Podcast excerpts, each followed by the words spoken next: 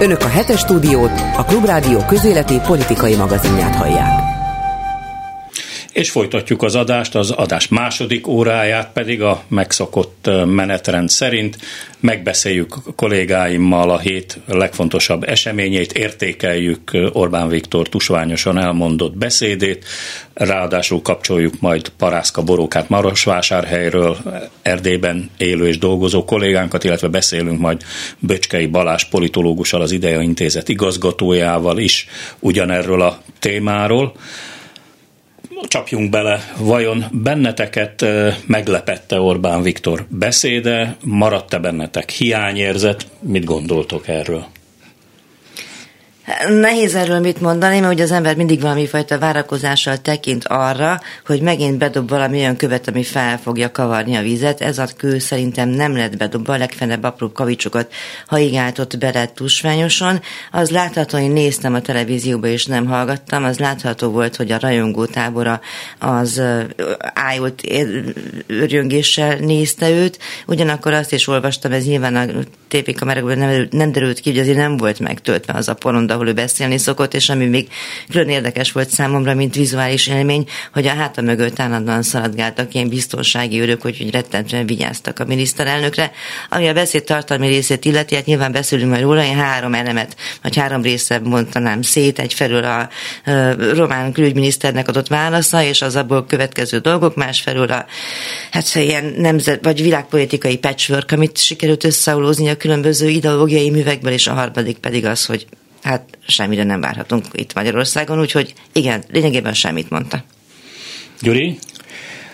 Egyetértek Mártával, valóban nem mondott olyat, amitől az egész világ hirtelen kiakadna, aztán lehet, hogy majd kezdik elemezni, és Kiakasztják. A, igen, igen, és akkor rájönnek, mm. hogy azért volt itt mondani való, de olyat, hogy demokrácia olyan már nincsen, nem mondja, vagy nem mondta azt, hogy az Európai Uniónak vége, béke poraira, de azért valami hasonlót, talán nem ennyire határozottan, mégiscsak, ha nem is az Unióról, de az Egyesült Államokról.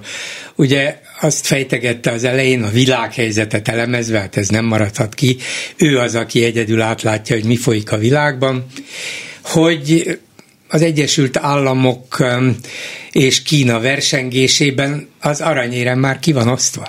Ez a veszély, ez a probléma.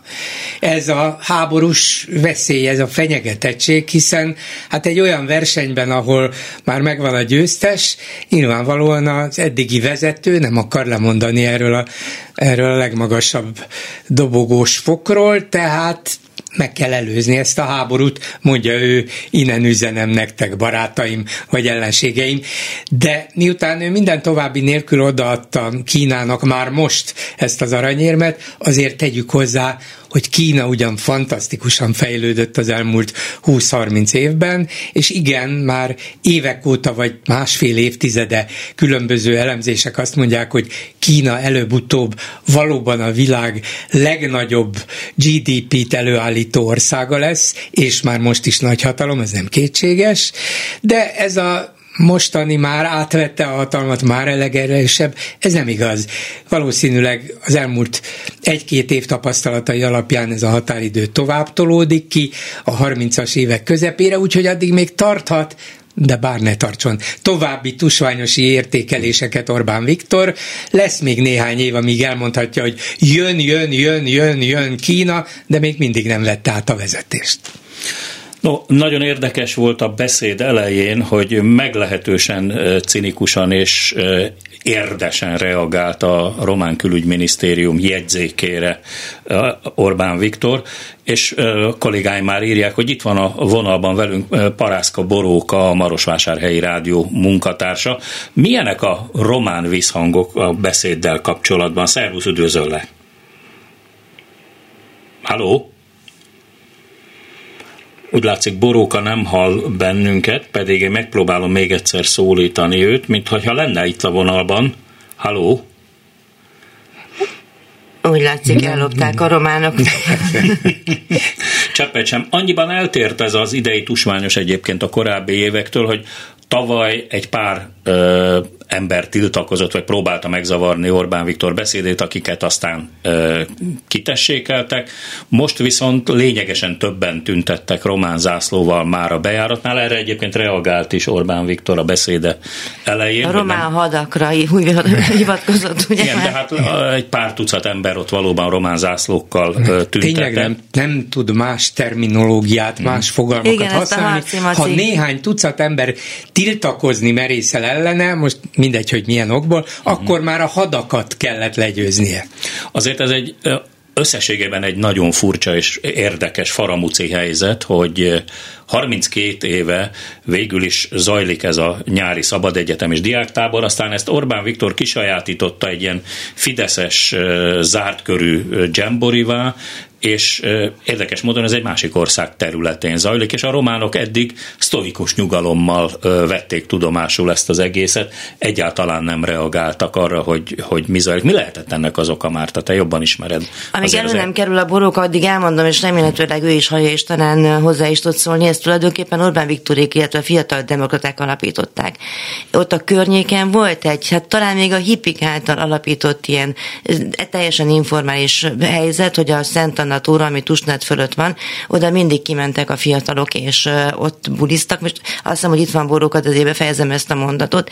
És gyakorlatilag én ott még a későbbi demokratikus ellenzék tagjaival is találkoztam, és én ezen a helyszínen, ahol most Orbán Viktor ott a hadak előtt szaladgál, engem ott üldözött már a szekuritáti több század magammal együtt. Tehát ha tőlem kérdezte volna valaki 89-ben, hogy egy fiatal demokrata hol találjon hasonszörű embereket, akkor én is ezt javasoltam volna neki. Csak hát ugye, mint hogy az akkori Fideszből, a tusványosból, illetve akkori bálványosból se gondoltuk, hogy ez lesz.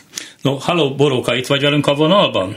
Igen, itt vagyok, igen. Jó, köszönöm szépen, mert az elején nem sikerült valahogy megteremtenünk a kapcsolatot. A kérdésem az, hogy hogyan reagált a román sajtó Orbán Viktor beszédére, egyáltalán foglalkoznak-e vele? A román sajtó engem kért a, délelőtt, hogy szinkrontolmácsoljam, hogy mit mond Orbán Viktor, úgyhogy azt hiszem, hogy ilyen rókafogta csuka esete alakult ki. Ők azt nézték, hogy hogyan reagálnak a magyarok, és külön Orbán Viktor. Mi azt lestük, hogy hogyan reagálnak a románok, de hát itt a kulcsfontosságú epizód az nem a román külügy levele volt, hanem az a magánebéd, amire pénteken, illetve pár napjával ezelőtt elszaladt Orbán Viktor Tusnád felé tartva egy 360 kilométeres kitérővel Bukarestbe, és magánebédelt Márcsal Csolákú miniszterelnökkel. Szerintem ez volt a feltétele annak, hogy ilyen lehessen tusványosan magyar miniszterelnöki beszéd, és már itt itt megbeszélték, hogy miről, mit miért cselébe mondhat el Orbán Viktor, és ebbe ő akkor láthatólag nagy kompromisszumkészséggel belement. Jó oka volt a kompromisszumkészségre, mert a Hát az ő most elmondott beszéde, amit én tegnap délelőtt írásba adtam, hogy ez fog elhangzani, az nagyjából 70%-ban megfelel annak az ortodox testvériség által képviselt programnak, amelynek a tagjai úgymond ellene tüntettek. Szóval nagyon-nagyon kacifántos a történet. Ez a, ez a mostani túlsványosi epizód, vagy Orbán koncert, ahogy így, így hívják a, ebbe az eseményben meglehetősen belefáradt erdélyiek, ez teljesen más volt, mint minden eddigiek, és azért volt más, mert a román kormány is, és a magyar is érezte, hogy most nagyon be kell húzni a kéziségeket. Ugye azért Orbán Viktort az legendás diplomáciai érzéke nem hagyta cserben, mert azért csak odavágott egyet a románoknak azzal, hogy amióta ő a miniszterelnök, immár ez a 20. román kormányfő, akivel beszél, ez megint nem egy elegáns lépés egy nappal vagy 24 órával azután, hogy valaki föláll a tárgyalóasztaltól Bukarestben. Hát ez nem a románoknak vágott oda, hanem a magyaroknak, mert a románok amúgy baromira büszkék arra a képességükre, hogy bármikor meg tudnak buktatni egy miniszterelnököt, vagy börtönbe tudnak küldeni. Szerintem erre véltán büszkék, úgyhogy ha ne, ne, nem tudom kinek mit akart mondani Orbán Viktor, de hogy ezen, e, e, ezen vigyogtak fel a legjobb legjobban a román kollégák ezen a megjegyzésen. Ha már román miniszterelnök, hadd kérdezek én is egyet, bocsássatok meg, hogy ugye azzal is villogott, hogy az egyetlen román miniszterelnök, aki volt tusványosan, az Traian Băsescu volt. Csak a Traian Băsescu az a szekus múlt...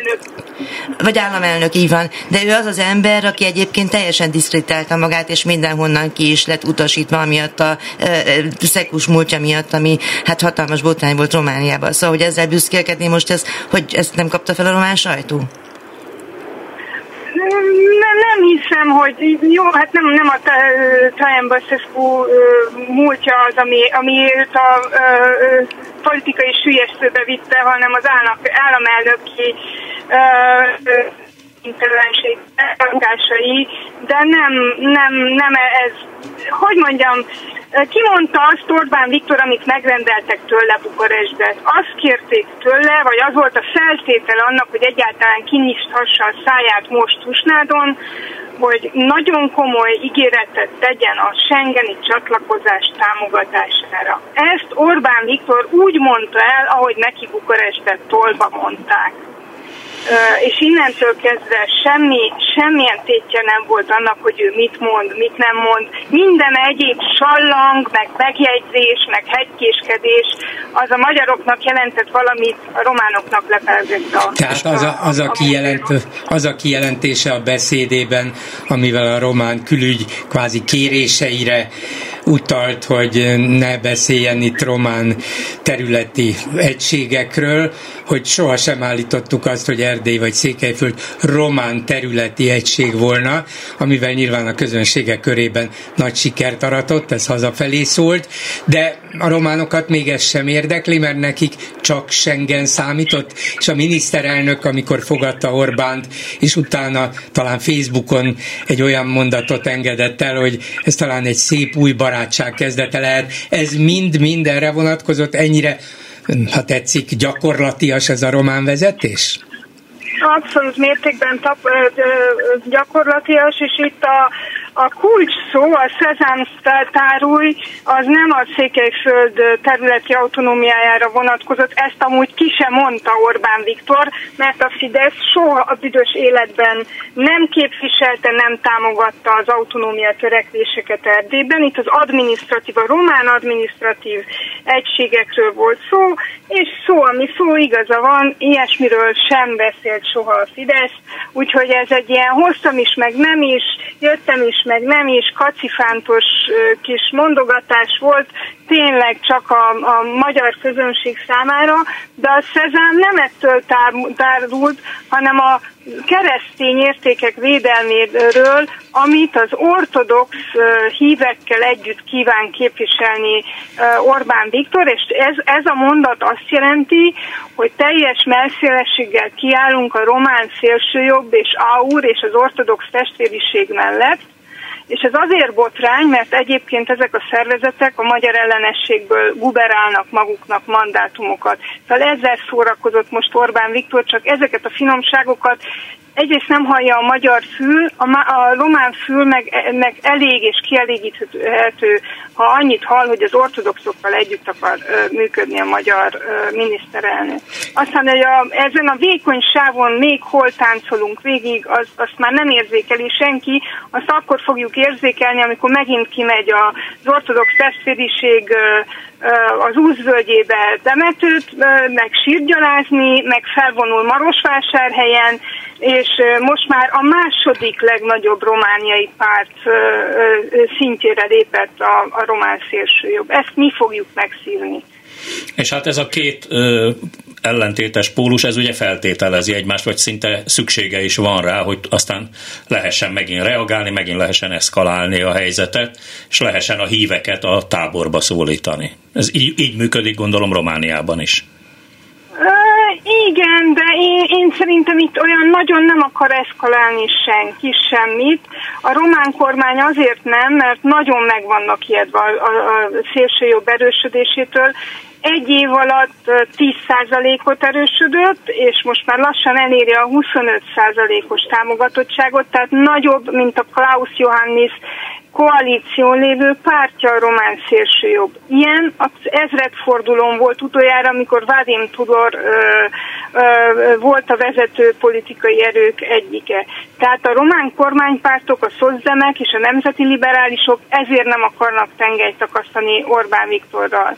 A ö, román, vagy a, igen, a román szélsőjobbosok meg azért nem, mert ugyan a magyar ellenesség az egyik ö, motor, amivel hajtják a pártot, de minden egyéb témájuk, minden egyéb programpontjuk betűről betűre megegyezik az Orbán Viktor féle Fideszével, és hadd ne mondjuk, hogy ez egy Moszkvából támogatott ilyen orosz párti, nagyon keményen hátszél, nagyon kemény orosz hátszélel rendelkező szervezet.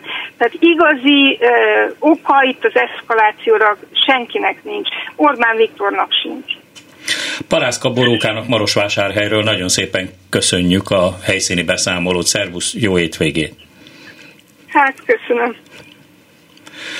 No, de térjünk vissza eh, azért még egy picit Orbán Viktor beszédéhez. Eh, engem két dolog foglalkoztatott, nevezetesen az, hogy egyrészt hozzászoktunk ahhoz, hogy Orbán Viktor mindig itt ezt a tusványosi alkalmat használja föl arra, hogy nagyot mondjon. Tehát van egy ilyen Hári Jánosos nagyot mondási kényszere, aztán van körülbelül egy hónap, hogy ezt a kísérleti léggömböt, hogy ezt a magyar és a nemzetközi közvélemény hogyan fogadja, hogy ezt elemezzék, és aztán ebből mit visz tovább majd szeptemberben a politikában, tehát van egy, van egy ilyen része is, és hát a másik, ami egy óriás, ez most elmaradt, a másik pedig hogy ezt az egész tusványost úgy ö, vezették elő, hogy a béke jegyében, a béke jegyében, na most az ukrajnai háborúról gyakorlatilag egyetlen szót sem mondott Orbán Viktor, és semmit nem mondott arról, hogy hogyan lehetne tűzszünet, hogyan lehetne itt béke. Jó, mondjuk ez nem is tőle függ,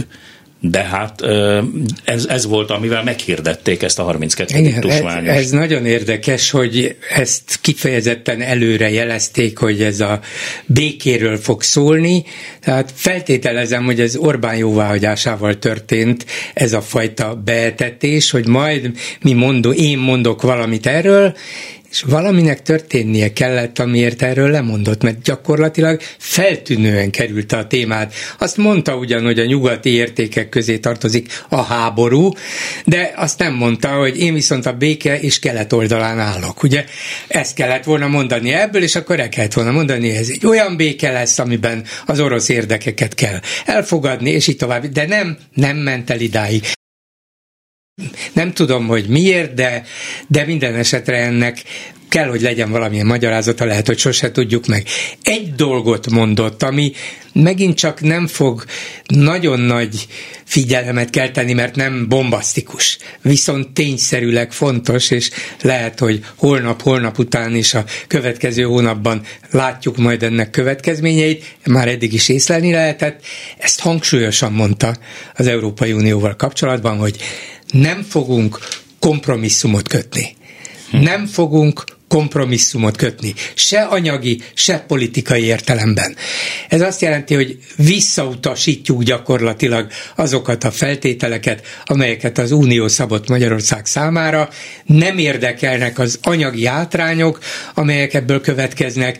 A lényeg az, hogy mi nem. Most az is lehet, hogy ez egy üres mondjuk szlogen, amit ő pusztába vagy, vagy Erdélybe kiáltott, nem tudom, hogy mi akar lenni, de azért ennél több, mert nehéz lesz visszaszívni ezeket a, ezt a kijelentést, hogyha mégiscsak kénytelen lesz kompromisszumot kötni. Ebbe is belemegy, abba is, de hát te mondtad azt, Gyuri, hogy nem, nem, nem ez lenne az első nem vargadető a politikájában. Csak azt akarom mondani, hogy ez viszont elég határozott kijelentés ahhoz, hogy megkösse magát. Hogy azt mondja, a tárgyalók mondjuk a Navracsicsnak, vagy a többinek, meg az Európai Uniós, um, Európai Uniós tárgyalóknak, hogy kérem szépen, én megmondtam, nincs kompromisszum, és akkor nézzük meg, Sőt, hogy hogyan megyünk fogunk. tovább. Igen. Sőt, Brüsszelre harcolni igen. fogunk. Igen. Putyinhoz csak annyit még vissza, hogy a Oroszországhoz a Putyin nevét ki nem mondta, és igazából Oroszországot levette Persze, a térképről, a világpolitikai térképről. Nekem ez volt az érzésem. Hát egyszer egy ilyen mellékes vonalként említett egy olyan ország csoportot, amelyben Oroszország is beletartozik, amikor az úgynevezett BRICS országok szervezetéről beszélt. Ugye ez Brazília, Oroszország, India, Kína, Dél-Afrika, amelynek egyébként a csúcs találkozója majd augusztusban lesz Dél-Afrikában, és ahova Putyin már előre jelezte, hogy nem megy el. Jól felfogott érdeke, szerintem most ki sem meri tenni a lábát Moszkvából, de hogy a politikai elemző, a politológus ezt hogy látja, ezt kérdezzük meg Böcskei Balástól, aki itt van velünk a vonalban, az IDEA intézet igazgatója. Jó napot kívánok! Jó napot kívánok, köszöntöm a hallgatókat. Ön is úgy látja, hogy az Európai Uniót, és most egy idézet következik, szorongás, gyötri és bekerítve érzi magát? Én szeretnék ennyire szorongani, mint az Európai Unió országok, Európai Uniós országok én, nagy része. Én viszont annyira nem egyébként, mert ne, hogyha visszakérdeznék, hogy ki ma az Európai Unió vezetője, akkor megmondja, meg tudja bárki mondani a stúdióban ülők közül. Hogyha visszakérdeznék, hogy az Európai Uniónak mi a viszonya az Egyesült Államokhoz, akkor meg tudja, viszont, mármint ami a szuverenitását, a függetlenségét, a stratégiai autonómia kérdését illeti, akkor meg tudja válaszolni. Meg tudja válaszolni bárki az ellenzéki oldalon, hogy abban az értelemben, hogy levonul az európai ö, szereplők nagyon helyesen, normatív és értékalapon levonulnak. Az egyik domináns világpolitikai szereplő, ráadásul egy autoritár rezsimmel való gazdasági együttműködésből, energetikai együttműködésből, a közben mi a viszonyuk? A másik domináns, szintúgy katonai, gazdasági és ilyen értelemben politikai érdekelte és saját önérdekét képviselő Egyesült Államokkal kapcsolatban. Ugye azt hiszem, hogy ezek nem költői kérdések, hanem ezek a jelen európai valóság legfontosabb kérdései. És ebben az értelemben én az európai politika, az európai nyilvánosság, az európai politika csinálók helyében, és európai polgárként azért a szorongás állapot ebben a tekintetben nem különösebben enyhül. Ugye ez az Orbáni beszélet elég jó világosan visszaadta, és egy kicsit így hallgatva a felvezetőt, nekem az a furcsa, hogy mindig azt szeretnénk, bárki a politikusi beszélő, Donát Anna, Gyurcsány Ferenc, Orbán Viktor, mindig azt figyeljük, hogy miről nem beszélt.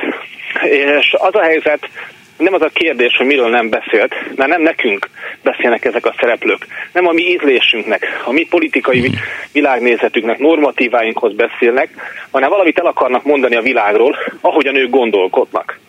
Tehát az, hogy a Putyinnek a nevét nem ejti ki, miért lenne fontos? Miért kellene kiejteni?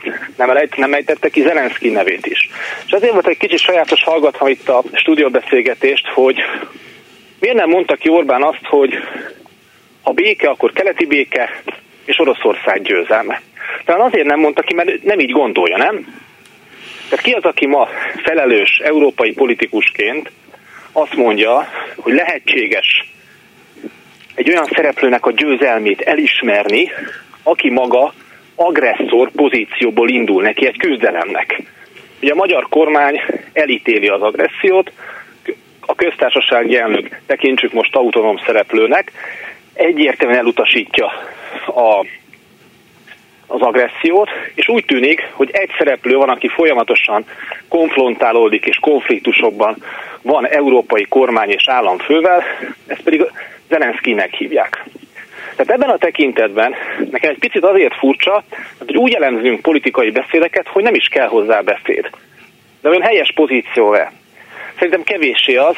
Ebben az értelemben az volt a sajátos ebben a beszédben, hogy nem Orbáról szólt nekem a beszéd, hogy egy kicsit nem az érdekelt benne, hiszen valóban számos önismétlés van, de számos intellektuálisan, hogy is mondjam, olyan gondolat, amihez lehet valahogy viszonyulni. És ebben a tekintetben nekem az a fülsiketítő csend az érdekes, amit mondjuk a magyar potenciális kormányváltó tömb, egy százalékos pártól egészen a középpártig, az Európai Unió, illetve a magyar ellenzéki politika Európai Egyesült Államok ambícióihoz való viszonyában kérdésében rendez. Ez egy kulcsmomentum, hogy ebben az Orbánnak Ezzel hadd ne értsek egyet. ebből a beszédből. Bocsánat, az egyetlen ö, olyan párt szerintem a demokratikus koalíció, amelyik folyamatosan az európai föderalizmus gondolatát ismétli, ez az álláspontjuk, ez a hivatalos álláspontjuk, szemben a, azzal, amit Orbán Viktor mond, ugye, hogy ez, ez a szuverenitás, a nemzeti szuverenitás abszolutizálása, ami egyébként az én felfogásom szerint előbb-utóbb akadálya lesz az európai együttműködésnek. Hát igazából már most megvannak ennek a korlátai, tehát ugye ezt azért mindannyian tudjuk, hogy kettő darab pozíció nem tartható az európai politikában. Az egyik az abszolút szuverenitás, a nemzet, nemzetállamoknak a szuverenitása, vagy abszolút szuverenitása, ami az Orbáni vízióból kiviláglik. A másik pedig a, a föderalizmusnak a tulajdonképpen spillover-szerű kiterjesztése, ez a másik, ami szintén tartatatlan, tehát csak a két abszolút pozíció nem tartható. Ellenben én, amikor az Európai Egyesült Államokat szóba hozta, én nem erről beszélek, hogy kinek milyen Európa víziója van, hanem ki mit gondol az Európai Unió és az Egyesült Államok viszonyáról. Ez egy, kicsit, ez egy, ez egy picit bonyolultabb kérdés, mert az azt veti fel, hogy ki mit gondol a szuverén kérdéséről, hogy ki mit gondol arról, hogy ki az, az európai világnak tulajdonképpen a domináns szereplője, milyen normatív bázis mentén akarunk elmenni, mert hiszen azt a pozíciót azért most már, ha már a politikai tapasztalatokról és történelmi tapasztalatokról beszélünk, hogy az, európai, hogy az Amerikai Egyesült Államok ebben a konfliktusban nem csak Oroszország, Ukrajna békéjéért közt, hanem vannak egyéb más stratégiai szempontja az Európai Unióval szemben, arról lehet, hogy indokolt lenne beszélni Hát ez érdekes, érdekes beszéljünk erről, de, de Orbán azért nem erről beszélt, hanem arról beszélt, hogy szerinte a világpolitikát a következő években vagy évtizedekben nem is ez a háború, hanem a kínai-amerikai versengés fogja meghatározni, ami ráadásul már el is dőlt. És az Egyesült Államok jobban teszi mindannyiunk érdekében, ha ezt nem próbálja élezni, nem próbál háborút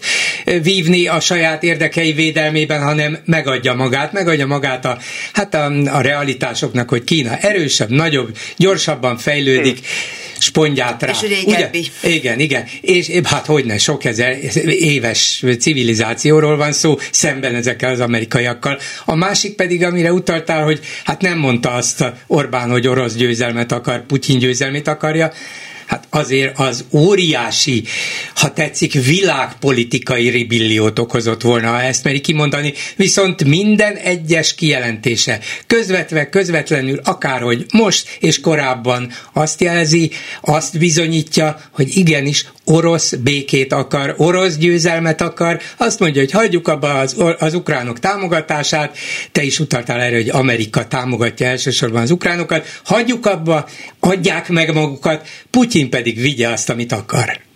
Ja, amit tudunk, amit tudunk, amelyik, hogy én külpolitikai szakértő irányba elköteleződnék, hm. hogy amit a felvetésedben van, valóban egy jelen pillanatban most és azonnal köttetett béke, az kétségkívül az orosz fél szándékait. Hát nem tudom, hogy mik az orosz fél szándékai, ezért ma már egyre kevésbé lehet nyilatkozni, de minden esetre egy Oroszországnak kedvező békekötés lenne. Tehát ennyiben Értem, amikor az orosz kérdést, illetve az Orbáni kapcsolatot ehhez felvetjük. Azt azonban már kevés, és itt jó volt a kínai vonal, nekem ez a beszéd azért volt, egy intellektuálisan azért mozgatott, mert még bármelyik másik beszéd az elmúlt időszakban, amit, amit politika, magyar politikus szokott csinálni, mert amit mondtál, hogy van egy Kína Európai Egyesült Államok viszonyának valahogy való elgondolása, hogy ebbe mennyi a konstruálás, hogy ebbe mennyi a történelmi tapasztalatok vagy tények sajátos összerendeződése, az valójában vitatható, de hát ez a politikának a lényege, hogy bizonyos tényeket összerendezünk valamilyen narratívába. És ebben a versenyfutásban mi a nemzetállamok feladata, és mi adott esetben az Európai Unió, meg a V4 esetetnek a helyzete. Tehát azt gondolom, hogy ebben a beszédben ezek azok az elemek, amikről érdemes egy külső szereplőnek magánként is gondolkodni. Nekem nem az Orbán beszédnek a, a, a, a hogy is mondjam, a, a revelatív jellege, hanem ebben a beszédben hallottam meg azt a csöndet, amit az ellenzéki politika képvisel, ezekben az egyébként külpolitika vagy globális, de egyébként a saját országunk cselekvőképessége, stratégiai képessége, szövetséges képessége szempontjából fontos kérdésekben.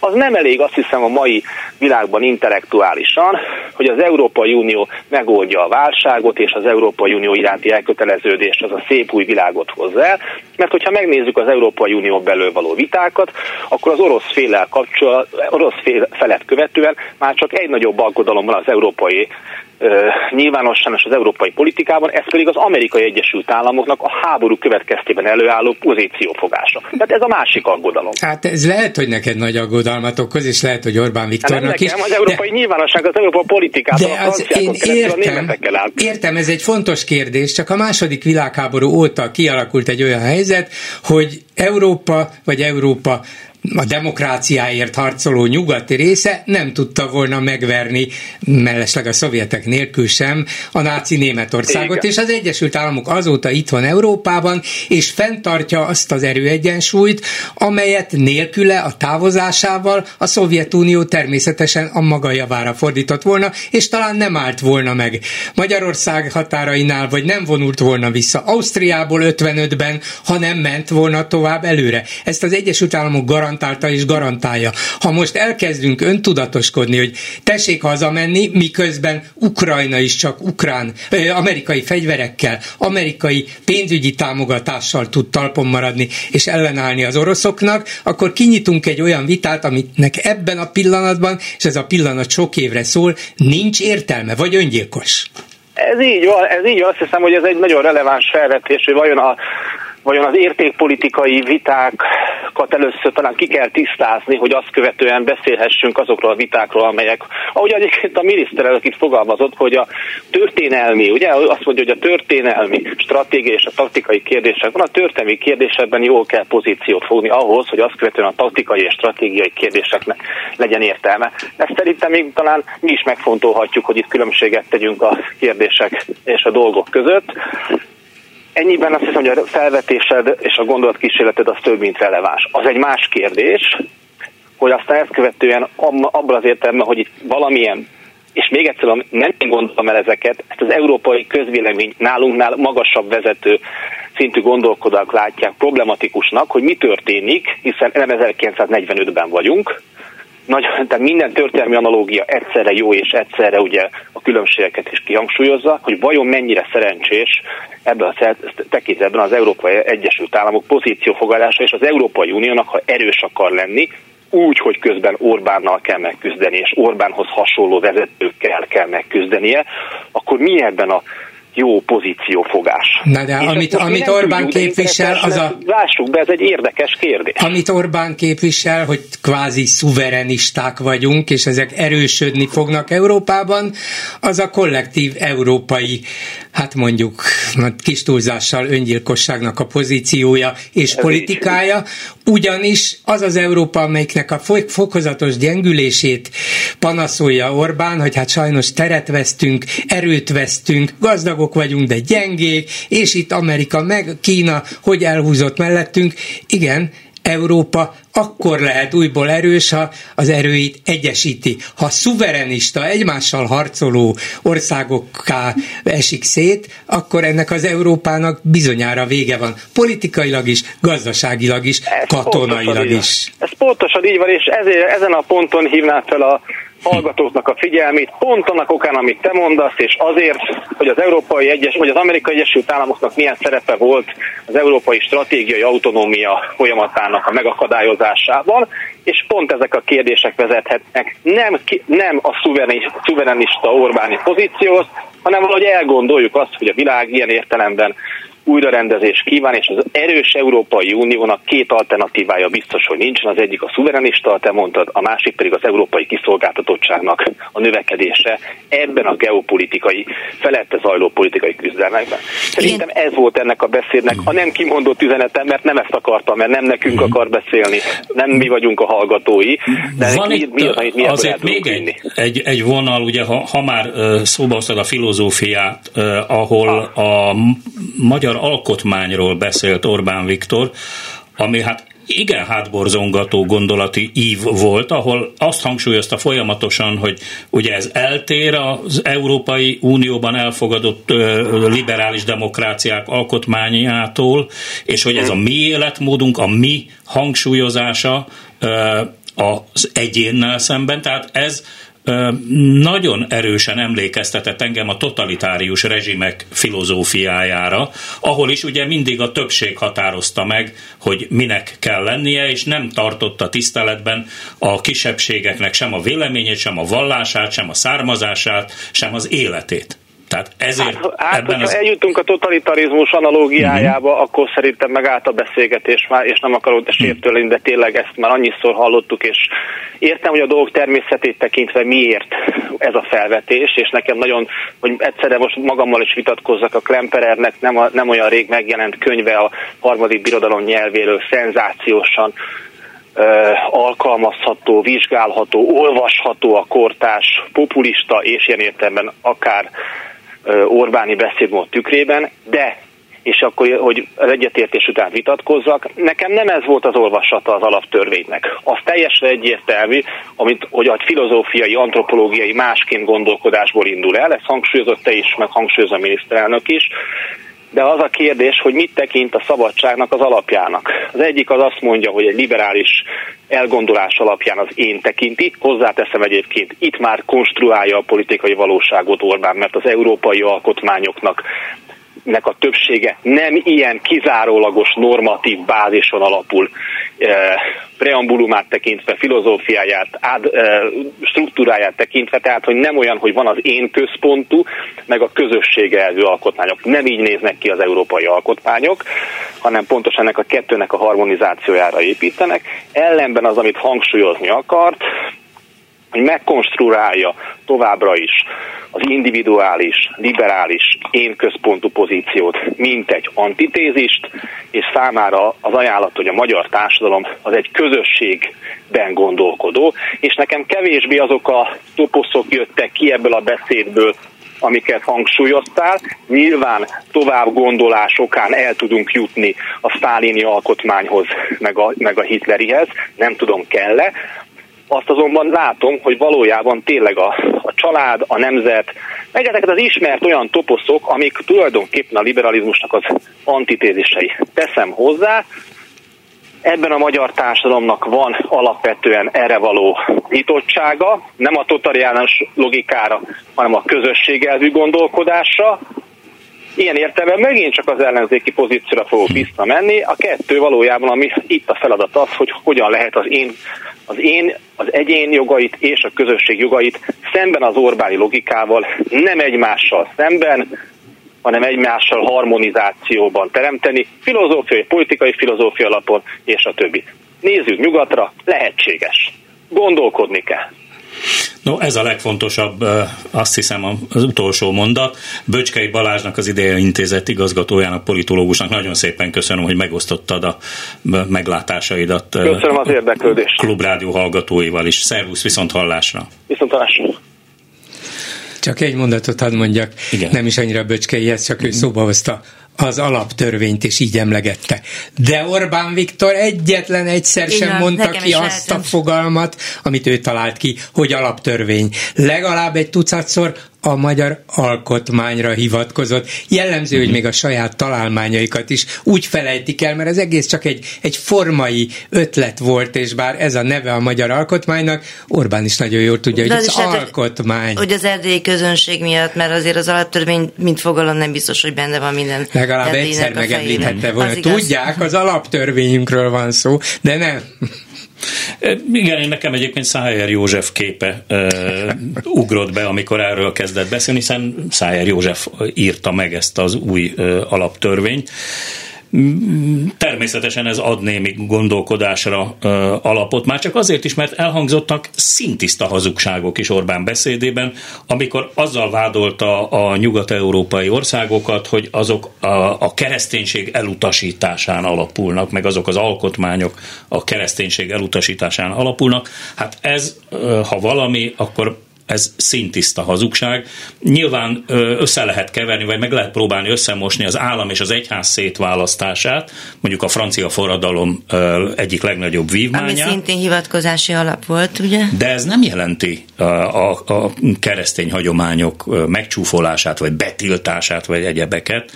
Úgyhogy mm, a, másik dolog, ami, ami, és akkor most már evezzünk hazai vizekre, hogy egyetlen szó nem hangzott el a magyar gazdaság jövőjével kapcsolatban, azon kívül, hogy van itt kérem szépen ez az infláció, zárójel háromszor olyan magas, mint az Európai Unió átlaga, és ezt le kell törni.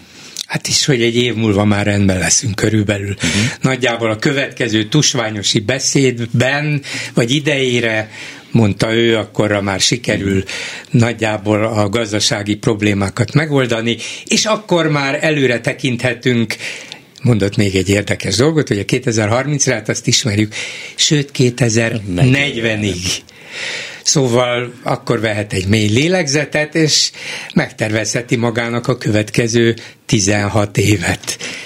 Azért jó, ha ezt nem felejtsük el. De Gyuri, nem kell a hallgatókat egyébként ijesztgetni, ijesztgetni. Az ilyen Tudják ők maguktól is sajnos. Ugye az a baj, hogy az ilyen rendszereknek kétféle módon lehet vége. Egyrészt, ha kiveszed belőle, vagy kiesik belőle valamilyen oknál fogva az első számú vezető, akkor vagy összedőlnek saját maguktól, és valami teljesen más jön helyette, vagy a helyére lép valaki, aki esetleg még nálánál is rosszabb, mert mind a kettőre van történelmi példa. Úgyhogy hát így tessék viszonyulni ez a 2040-es fenyegetéshez, ami tusványosan elhangzott. Hát inkább a konkrétumok van itt is, bár mm-hmm. akár meg nem mondta Balázs, csak ő más kontextusban mondta, hogy nem azt kell nézni, hogy mit nem mondott, hanem hogy mit mondott, de azért alapvetően persze, hogy nem az erdélyi közönségnek, meg nem ennek a közönségnek kellene elmesélni a gazdaságnak a helyzetét, meg ennek az okait, meg mit tudom én, az energetikai jövőnket, de gyakorlatilag teljesen lecsapatlanul hagyni azt, hogy egy évig viszont fogalmunk sincs, hogy mit csinálunk, ugye. Majd jövőre jön a Kánán, de hogy mi történik a következő egy évben, hát azon kívül, hogy majd várjuk tusványost, azon kívül semmit nem mondott el, és ez nem is, valószínűleg nem is lesz ez így, mert hogy még hát, nem mérték be azt, hogy az őszi megszorításoknak mi lesz majd az eredménye, ki hogyan viszonyul ehhez, és örülnek, hogy mindenki nyaral, hol itt, hol ott. Hát tartok tőle, hogy gőzük nincsen, hogy hogyan tovább, és sajnos itt megint vissza kell utaljak egy tapasztalati tényre, hogy elég sokszor érzem azt, hogy a magyar politika, és ez szinte pártoktól független, hogy a horizontja az körülbelül egy hétig tart. Egy hétre látnak előre, egy hétre gondolkodnak előre, és De hát látod, éppen Orbán az, aki évtizedekre hm lát előre, vagy legalábbis szeretne előre látni, vagy azt szeretné magáról mutatni, hogy én vagyok az egyetlen, aki előre látok. Nem csak taktikai, nem is csak stratégiai, hanem történelmi léptékekben gondolkozom. Megtörténhet egyébként, hogy igen, csak a, ugye a, a taktikák nem követik a stratégiát, és mindig valami kilébenti végső soron, amit ő tusványosan létre akart hozni. Azt a fajta ilyen szeretetteljes közeget, ahol ő az Isten, és ahol őt minden probléma nélkül elfogadják, és ahol a nyaralása előtti indulási pillanatokban el tud mondani valamit, amin egy hónapig rágódik, majd egy hetekig rágódik majd a nemzet és a külpolitika, ezt voltak éppen elérte, és ez következetesen követi illeti is. Ahogy azt is elérte például, hogy a visegrádi országok esetében, hogy csak erről beszéljünk, mert hiszen erről is beszélt, tulajdonképpen, hogyha ők játrál valahonnan, akkor a többiek meg nem tudnak igazából egyedül olyan jól működni. Tehát a, a hmm. közé akasztása, a kerekek külének akasztása a bot, bot által, az mindenképpen működik nála, és az is biztos, hogy mindig vannak víziói, az nem biztos, hogy ezek a víziók egyik a másikat utoléri. Most ez a víziója, volt már más vízió is. Jó, én azt gondolom, hogy ezt kellően kiveséztük ezt a tusványosi beszédet, még egy e, ilyen apró szemantikai megfigyelés, háromszor mondta azt egyébként pont a magyar gazdaság e, jövőjével kapcsolatban, hogyha a jó Isten is megsegít, magyarul térdre imához, mert hogy ötletünk sincs arra, hogy mit kell kezdeni a magyar gazdasággal, de hát ezt majd meglátjuk. A hét esemény... Például egy dolgot lehetne kompromisszumot kellene kötni az Európai Unióval. Mindjárt hm. nagyot segítene a magyar gazdaságnak. Oh my god. Igen, hát uh, erre mondja Esetleg azt, ajánljuk föl ingyen ezt a javaslatunkat Orbán Viktornak, jó? De hát te most arra gondolsz, Gyuri, ami a gondolhatatlan, mert te az unthinkable beszélsz, amit ugye az elképzelhetetlen Én a józan észre gondolok, de hát mit csinálja? Mindenesetre, ha nekem a józan észre gondolnék, és lenne befektethető sok-sok pénzem, akkor valószínűleg zsugorfóliába fektetném ezt a pénzt, hogy ezzel el tudjam látni a könyvesbolt hálózatainkat. Mit gondoltok? ti erről? A héten tetőzött ez a történet, hogy nem csak, hogy befóliáznak bizonyos könyveket, hanem lassan lesz egy tiltólista, ilyen talán még az Acél Györgyi politikában sem nagyon volt, hogy már megjelent és kinyomtatott könyveket, de volt egy pár, amit visszahívtak, meg bezúztak, de hát, hogy ez állami politika szintjére emelkedjen, Magyarországon 2023-ban. És a könyvesboltok könyörögjenek azért, hogy jelentesse meg már valaki azt a listát, hogy mit kell befúliázni, hm. mert maguktól nem tudják, mert 30 ezer címet nem tudnak elolvasni, és nem tudják. Ez természetesen abszolút lutri, tehát oda jön egy, nem is tudom, hogy hívják ezt könyvcenzor, vagy könyv, a fogyasztóvédelmi, nem tudom én, el, egy följelentő. Á, följelent, de azt fogja magát, és leül és elolvassa a lexikon. George Orwell. Igen, de ráadásul semmi még szintén tusványos, mondott valami olyasmit, hogy ez még csak a kezdet, tehát hogy ezzel nem érdemes így játszadozni ő szerinte, de mondom, igen, tehát a könyvesboltok könyörögnek a listáért. De ők nyilván szándékosan csinálnak egyre nagyobb cirkuszt körülötten. Nem, ezek, ezek biztos nem véletlen dolgok. Rájöttek arra, hogy az az egy-két évvel ezelőtti kampány és törvénymódosítások, amelyek arról szóltak, hogy, meg a választás alatti népszavazás, genderügy, hát hiába mondjuk azt, hogy gender a magyar valahogy nem izgul föl tőle annyira, mint én, mármint Orbán Viktor, gender, gender, gender, de magyarok legyintenek. De hogyha egyre több ilyen a mindennapi életben tapasztalható, látható, észrevehető konfliktus alakul ki, például, hogy a könyvesboltban befóliáznak-e könyveket, vagy nem, hogy mit tiltanak meg, és mit nem, milyen tiltakozások lesznek, milyen értetlenség, minél többen kezdenek el majd kiabálni, annál jobb, mert megmutathatjuk, hogy mi igenis lecsapunk ezekre a deviánsokra, és ezt akarják elérni, ezért biztos, hogy lesznek újabb lépések. Meg a Libri és a Lira közötti, tehát a Libri privatizáció az MCC által szerintem a habverés ebben a foliázás ügyben nem véletlenül jött ugyanabban a pillanatban, hogy ahogy is kezdődött, hogy megműntették a Librit akkor, amikor éppen az MCC megvette, vagy hát sikerült elérni, hogy megvehesse, volt az az eszköz, akkor megbüntették egy millió forintra, majd a lírát, ami tulajdonképpen ellenlábas a Librinek, megműtették 12, 16 millióra, vagy 12 vagy 12 emlékszem, de lényegtelen is. Tehát, hogy ezt mm-hmm. a mhm. történetet szerintem beviszik ebbe a dologba, de és egy olyan eszköz lesz ez az állami politika, gyerekek, hát ugyanezt hát, történik, amikor a CBA-t nem büntetik extra profitadóval, az, az Osant, az Aldit, a Tesco-t és az összes többit meg igen. Hát eh, persze, mert, mert ezek a támogatták. megbüntették a Librit is, csak én azt mm-hmm. akarom mondani, hogy ez egy jóval nagyobb botrány a Librinek a hát gyakorlatilag kiszorítása a vagy nem tudom, enstandulása, mint, a, mint ez a dolog, és akkor ki, sikerült elterelni a figyelmet ezzel a fóliázással, ugyanakkor kiszabadítottak egy olyan palackot a szellemből, hogy nem, bárki... Fordítva, szellemet a palackból. Szellemet a palackból, jó van. vissza Aladint egy picit a Ne felejtsétek el, hogy ahogy, ahogy ti, én és Orbán Viktor délelőtti beszédével ébredtem, és valahogy, alatt valahogy nem találom a szavakat, igen. de ami úgy általában véve én nagyon nem szeretem, amikor az állami hatóságok elkezdenek a könyvekkel foglalkozni, abból még sok jó nem született, akár darálják, akár égetik, akár fóliázzák. De miért gondolod, hogy Orbán Viktor neked jót akar? Azt egy percig nem gondolom. Viszont nyilvánvalóan jót akar, hiszen újabb tíz vasútvonalat szárnyvonalat számol föl a MÁV. Ez ugye ez egy korábban egy olyan szent tehén volt, amire a, ha jól emlékszem, akkor a Tána Gyurcsány kormány idején történtek ilyen takarékossági intézkedések, és akkor hát kígyót békát kiabált az, ellenz, az akkori ellenzék a kormányra, most pedig a jelek szerint ezt gond nélkül meglépik. Köztük négy olyat, amit ők indítottak vissza. Igen, elvileg még azt is lehet mondani, sőt valószínűleg gyakorlatilag is, hogy van ebben valamilyen ráció, nyilván érdemes lehet erről az érintettek bevonásával, az érintett uh-huh. térségek, városok, falvak, közlekedési szakemberek, különböző szervezetek bevonásával hosszan egyeztetni, tárgyalni, és aztán meghozni egy olyan döntést, amire biztos nem fog mindenki egyetérteni, de azt lehet mondani, hogy kérem szépen, ez a helyzet, ezek a feltételek, ezek a körülmények, valamit csinálnunk kell, legyen így. De ők mindig hirtelen előhúznak a mellén zsebből egy döntést, ez van, tessék, vigyétek ezt nektek. És persze hát a, a dolog elvisége az nyilvánvaló, ugyanúgy, hogy a posta bezárások idején, annak idején micsoda ribillió volt, és ugyanígy a vasútvonal, a bizonyos mellékvonalak megszüntetésekor, hát most visszaállítjuk a postákat, nem történt meg csak nagyon kis részben. Visszaállítjuk a lezárt vonalakat, nem történt meg csak kis részben, és aztán szépen folytatják.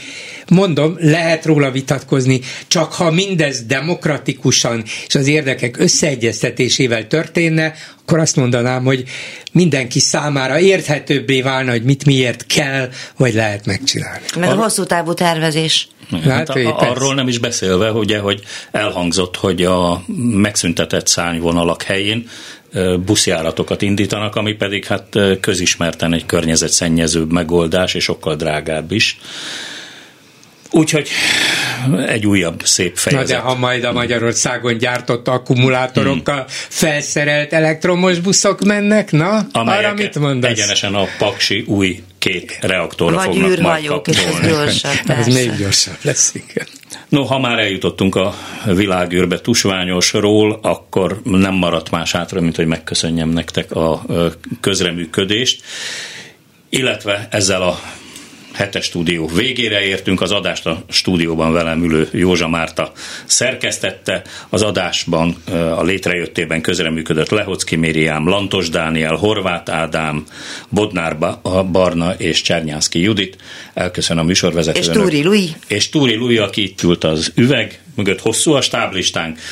Elköszönöm a műsorvezetőnek, Hardi Mihályt hallották, legyen szép hétvégéjük.